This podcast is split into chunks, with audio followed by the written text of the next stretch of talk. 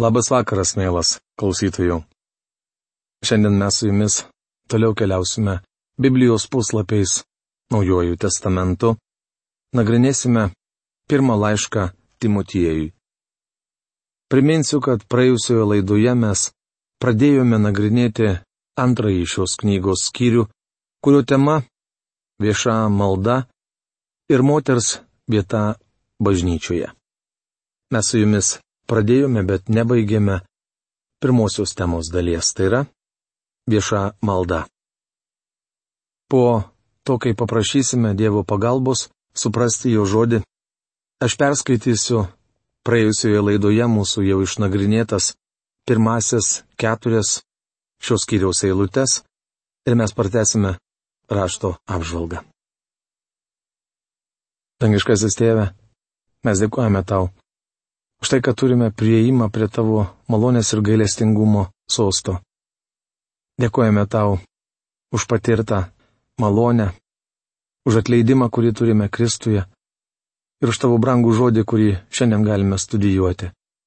Ačiū tau, kad tu kiekvieną iš mūsų, savo vaikų, tikinčiųjų, paženklinai savo pažadėtąją šventąją dvasę, kurią mes galime pasinerti į tavo žodžio išmintį į tos lobynus Dieve, iš kurių galime semtis išminties. Prašom, kad tu šį vakarą prabiltum į kiekvieno nusidėjėlio širdį. Kad tu padėtum nusidėjusiems žmonėms suprasti, kad patys jie jokių būdų neras kelio ateiti į tą bendravimą su tavimi, jeigu nebus tavęs paliesti.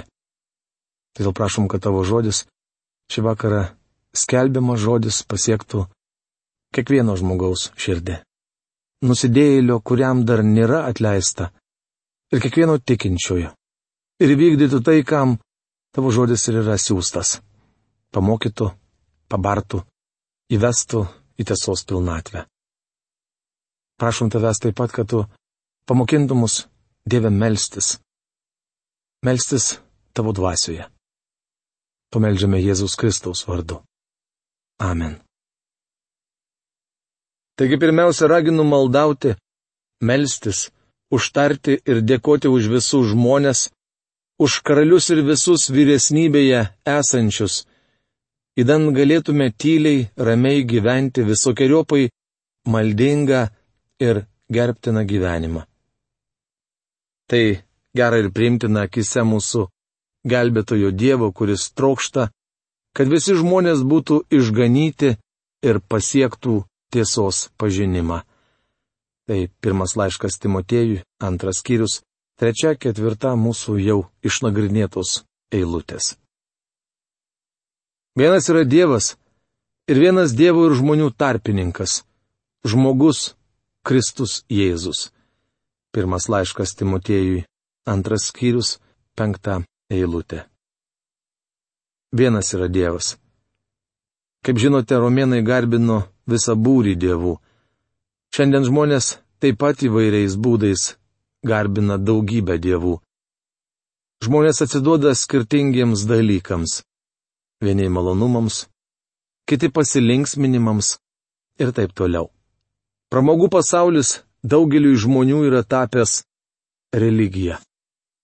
Kai kurios moterys akimirksniu išsižadėtų savo vertybių, o vyrai savo orumo, kad tik galėtų tapti kino ar televizijos žvaigždė. Šiandien žmonės garbina daugybę skirtingų dievų. Tačiau tai yra vienas tikras dievas - visatos kuriejas. Ir vienas Dievo ir žmonių tarpininkas - žmogus Kristus Jėzus. Senojo testamento laikais Izraelitai eidavo į šventyklą, kur tarnaudavo būrys kunigų. Per juos žmonės galėdavo ateiti pas Dievą. Paulius sako, kad dabar tai yra vienas tarpininkas, pas kurį mums reikia eiti. Mums nebūtina kreiptis į žmonės ar tarnautojus. Tai yra vienas tarpininkas tarp Dievo ir žmogaus. Mums reikalingas tarpininkas, kunigas ir mes jį turime. Tai didis vyriausiasis kunigas. Daranais laikais Jobas aimanavo.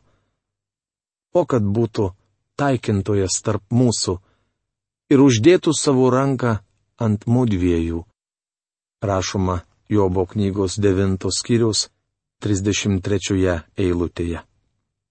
Iš esmės jis sakė, o kad būtų kas nors, kas galėtų paimti mane ir Dievą už rankus ir suartinti mus, kad pajėgtume susikalbėti ir vienas kitą suprasti. Bičiuli, šiandien mes turime tarpininką - viešpati Jėzų Kristų. Viena jo ranka yra Dievo rankoje, nes jis pats yra Dievas. Viešpats Jėzus gali išgelbėti amžiams, nes yra Dievas, užmokėjęs visą kainą už mūsų išganimą. Jis yra tarpininkas nes būdamas Dievas dar tapo žmogumi. Jėzus Kristus gali laikyti mane už rankus. Jis supranta mane. Noriu pasakyti, kad jis supranta ir jūs. Galite eiti pas jį, nebijodami jo nuvilti. Jis nepraras savitvardos ir jūsų nenuskriaus. Galbūt sakote, aš suklupau, padariau tą ir tą, todėl stokoju Dievo garbės brangus bičiuli. Jis žino tai, bet vis viena jūs myli ir trokšta jūs apkabinti. Pranašas Izaijas apie viešpati rašė. Ir dėl visų jų nelaimių buvo nelaimingas. Tai citata Izaijo knygo 63 skyriaus 9 eilutė. Kai kurie rašto tyrinėtojai mano, kad šios žodžius reikėtų versti taip. Ir dėl visų jų nelaimių nebuvo nelaimingas. Reikia pasakyti, kad abu vertimo variantai yra nuostabus. Gal Dievas nori, kad mes pastebėtume abu Kristaus tarnavimo aspektus, tačiau man labiau patinka antrasis variantas. Dėl visų jų nelaimių nebuvo nelaimingas.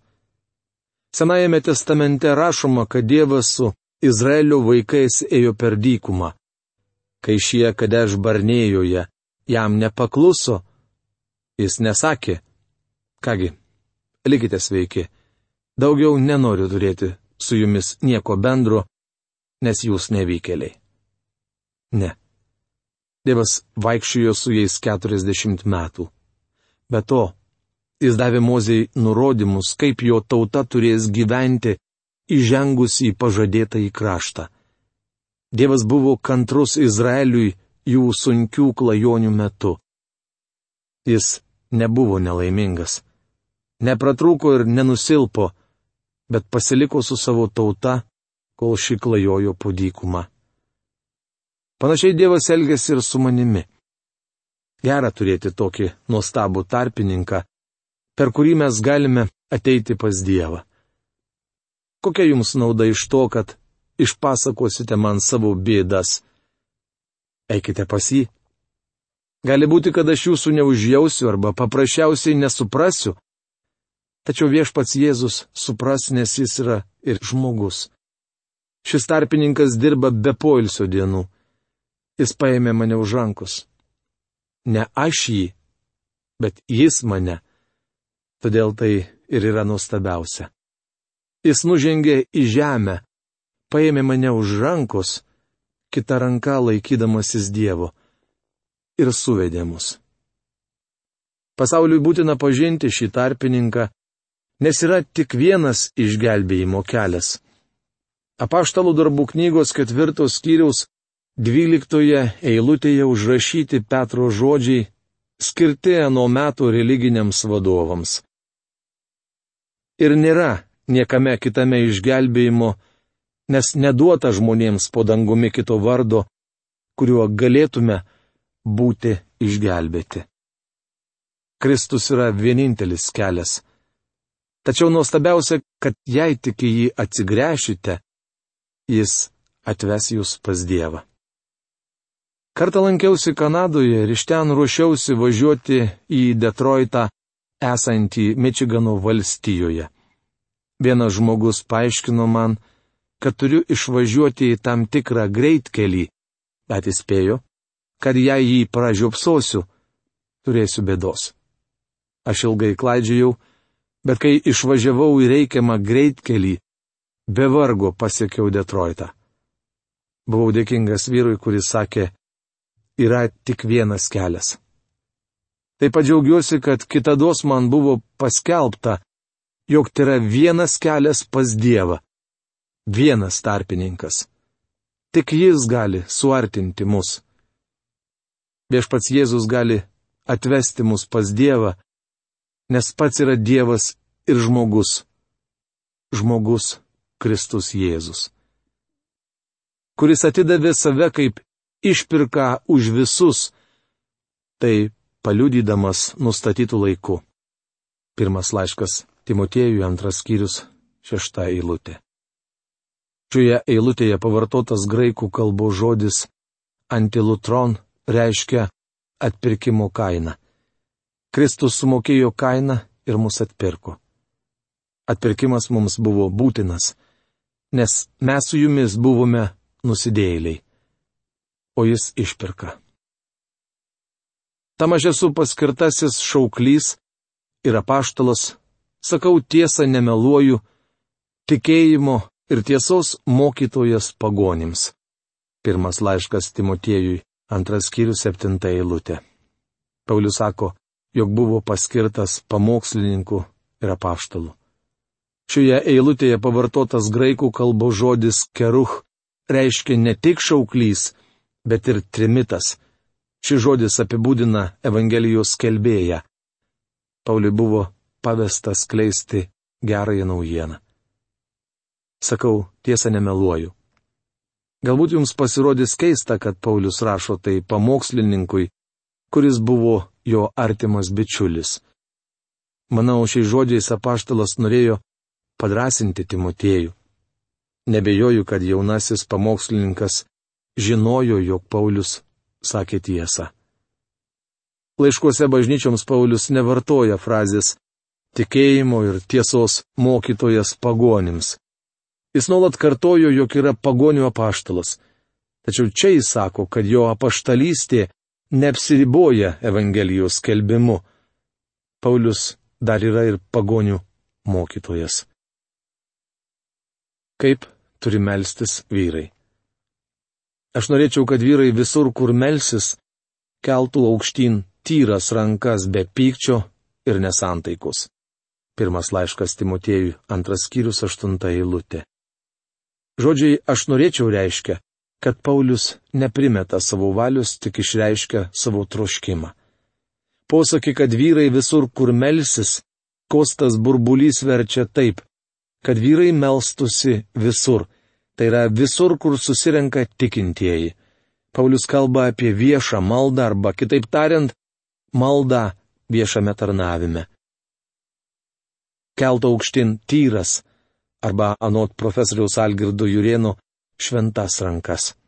Tai buvo ankstyvosios bažnyčios paprotys, atskleisdavęs maldininkų pasišventimą. Kai kuriuose bažnyčiose tarnavimų metu tikintieji ir šiandien kelia rankas aukštyn. Tai nėra blogai. Jei tik norite, tieskite savo rankas į Dievą. Asmeniškai aš niekada to nedarydavau, nes nebūdavau tikras, ar mano rankos švarios ir tiesioginė ir perkeltinė prasme. Atkreipkite dėmesį, kad Paulius pabrėžia - tyras arba šventas rankas. To jis nori pasakyti, kad rankos turi būti pašvestos dieviškai tarnybai. Bičiuli, neturėtumėte susirinkimo metu kelti rankų aukštyn, jei jos netarnauja Kristui. Žodžiai be pykčio reiškia, kad turime išpažinti visas nuodėmes. Negalite melstis, jei jūsų širdis pikta, o dvasia apkartusi. Dar kartą pabrėžiu, kad prieš melzdamiesi turite išpažinti visas savo nuodėmes. Kostas burbulys frazę be nesantaikos čia verčia žodžiais be abejonių. Laiško Hebrajams 11 skyriaus 6 eilutėje skaitome. Juk be tikėjimo neįmanoma patikti Dievui. Kas artinasi prie Dievo, tam būtina tikėti, kad Jis yra ir jo ieškantiems atsilygina. Kreipdamiesi į Dievą maldoje, turime ateiti pas jį tikėjimu. Manau, šiandien žmonės vangiai lanko maldos susirinkimus dėl to, kad stokoja tikėjimu. Jie netiki, kad Dievas girdi ir išklauso maldas. Nenoriu būti nepagarbus, bet man kartais atrodo, jog mūsų maldos susirinkimai kelia viešpačių į žiovulį, kitaip sakant, jie būna baisiai nuobodus. Viešuose tarnavimuose turėtų melstis tik tie, kurie išpažino savo nuodėmes, nebrandina širdyje kartėlių ir tiki, jog Dievas girdi ir išklauso. Tik tokios maldos gali padaryti maldos susirinkimą gyvą ir veiksmingą. Kaip turi melstis moterys. Trumpai paaiškinęs, kaip turėtų melstis vyrai, Paulius prabyla apie moterų maldas. Šioje pastraipoje apaštalas užsimena ir apie moterų aprangą bei jų vietą vietinėje bažnyčioje. Šiandien paplėtę dvi kraštutinės nuostatos dėl moterų vietos regimojoje, tai yra vietinėje bažnyčioje. Tiek vienos, tiek kitos pozicijos šalininkai remiasi šią šventojo rašto pastraipą. Pirmieji leidžia moterims vadovauti viešuose susirinkimuose. Jų bažnyčiose dailiosios lyties atstovės pamokslauja, vadovauja chorui bei atlieka tarnautojų pareigas. Moterims leidžiama daryti viską, todėl tokiuose bažnyčiose jos ne tik užima aukštas pareigas, bet paprastai ima dominuoti kai tarnavau pastoriumi Nešvilyje, Tenesio valstijoje. Vieną dieną priešais savo bažnyčią, kitoje gatvės pusėje išvydau palapinę. Tame mieste gyveno baptistų pamokslininkas, kuris buvo mano geras bičiulis. Mūdu nuėjome susitikti su pora, ketinusią renkti toje palapinėje susirinkimus. Sužinojome, kad moteris buvo pamokslininkė, o vyras pagalbinis darbuotojas. Stebėjome, kaip jis išskleidžia palapinę, sustato suolus ir atlieka kitus darbus. Bet to tas vyras vadovavo giesmių tarnavimui. Nežinau kaip jums, bet man tokia tvarka nepatinka. Visgi mūdu su baptistų pastoriumi, kaip galėjome, rėmėme jų tarnavimą, nes jie rengė gerus susirinkimus, o moteris skelbė Evangeliją. Tai rodo, kad Dievas kartais naudoja ir tokias grupės, kur pamokslauja moterys. Tačiau aš galvoju, kad jis naudoja jas nepaisant, o ne dėl moterų užimamos padėties. Kitas kraštutinumas - viešuose tarnavimuose moterims visai nepalikti vietos. Tokiuose bažnyčiose susirinkimų metu moteris tyli kaip pelis po šluotą. Net neturi teisės gėdoti solo. Man teko tarnauti tokioje bendruomenėje. Patikėkite, moteris tenai iš tiesų užguitos. Bijau, kad tokiuose bažnyčiose prarandama daug talentų. Bendruomenėje moterys galėtų nuostabiai pasitarnauti, jei tik joms būtų suteikta galimybė. Kaip iliustracija papasakosiu Jums vieną ironišką atsitikimą. Mažame Amerikos vidurio vakarų miestelėje gyveno žymiai netekėjusi moteris. Visi kalbėjo, kad ją vedęs vyras būtų įsigijęs puikią žmoną, tačiau niekas jai nepasipiršo ir moteris mirė vieniša. Laikraščio redaktorius, kuris paprastai apibrėždavo visuomeninius įvykius, buvo išvykęs iš miesto, tačiau užduotis buvo pavesta sporto redaktoriui. Savo straipsnį jis baigė tokiu keturailiu. Čia guli Nesės Johnson kaulai. Gyvenimą be stresų nugyveno jį iš ties. Ji liko senmergė lygi mirties, jokių bėdų, jokių klaidų ir jokio vargo. Nesinaudodamos tikinčių moterų talentais bažnyčios daug praranda. Dievas gali ir nori panaudoti jų sugebėjimus savo darbe. Jei žmonės teisingai aiškintų mūsų nagrinėjamą pastraipą ir žinotų, kokia Pauliaus dienomis buvo romėnų kultūra, šis praktinis klausimas nesukeltų painiavus. Visų pirma, reikia pažymėti, kad Dievas naudojo moteris. Dievo žodėje skaitome apie Deborą, karalienę Esterą, Rūtą ir kitas dailiosios lyties atstoves. Bažnyčios istorija mena Mary Fletcher bei Priskila Gurniai. Reikia pasakyti, kad Dievas nuostabiai naudojo ir daugybę kitų moterų. Romėnų kultūroje moteriškasis pradas buvo visų pagoniškų religijų dalis. Moterys juose užėmė labai svarbę vietą. Afroditės kultas Korinte buvo be ne vienas iš lygščiausių stabmeldystės pavyzdžių. Prostitucija žmonės buvo pavertę religiją. Afroditės šventykloje stovėjusioje Akropolio viršūnėje tarnavo tūkstantis vaidilučių, kurios iš tikrųjų buvo paprasčiausios prostitutės. Jų išskirtinis bruožas buvo labai sutaršyti plaukai. Dievas liepia moterims apsigaupti galvas tam, kad jos visiškai atsiribotų nuo panašių religijų. Efezekur tuo metu gyveno Timotiejus, Deivės Dianos garbiai stovėjo šventykla ir garbinimo apieigose moteris užėmė labai svarbę vietą. Reikia pasakyti, kad visose paslaptingose religijose buvo šventikių. Štai kodėl šioje pastraipoje Paulius akcentuoja, jog viešoji malda krikščionių bažnyčių tarnavimuose neturi būti siejama su seksu. Kad galėtume teisingai suprasti šią pastraipą, privalome tai žinoti. Na, o aš, mėlyjei, šioje rašto dalyje šiandien turiu sustoti.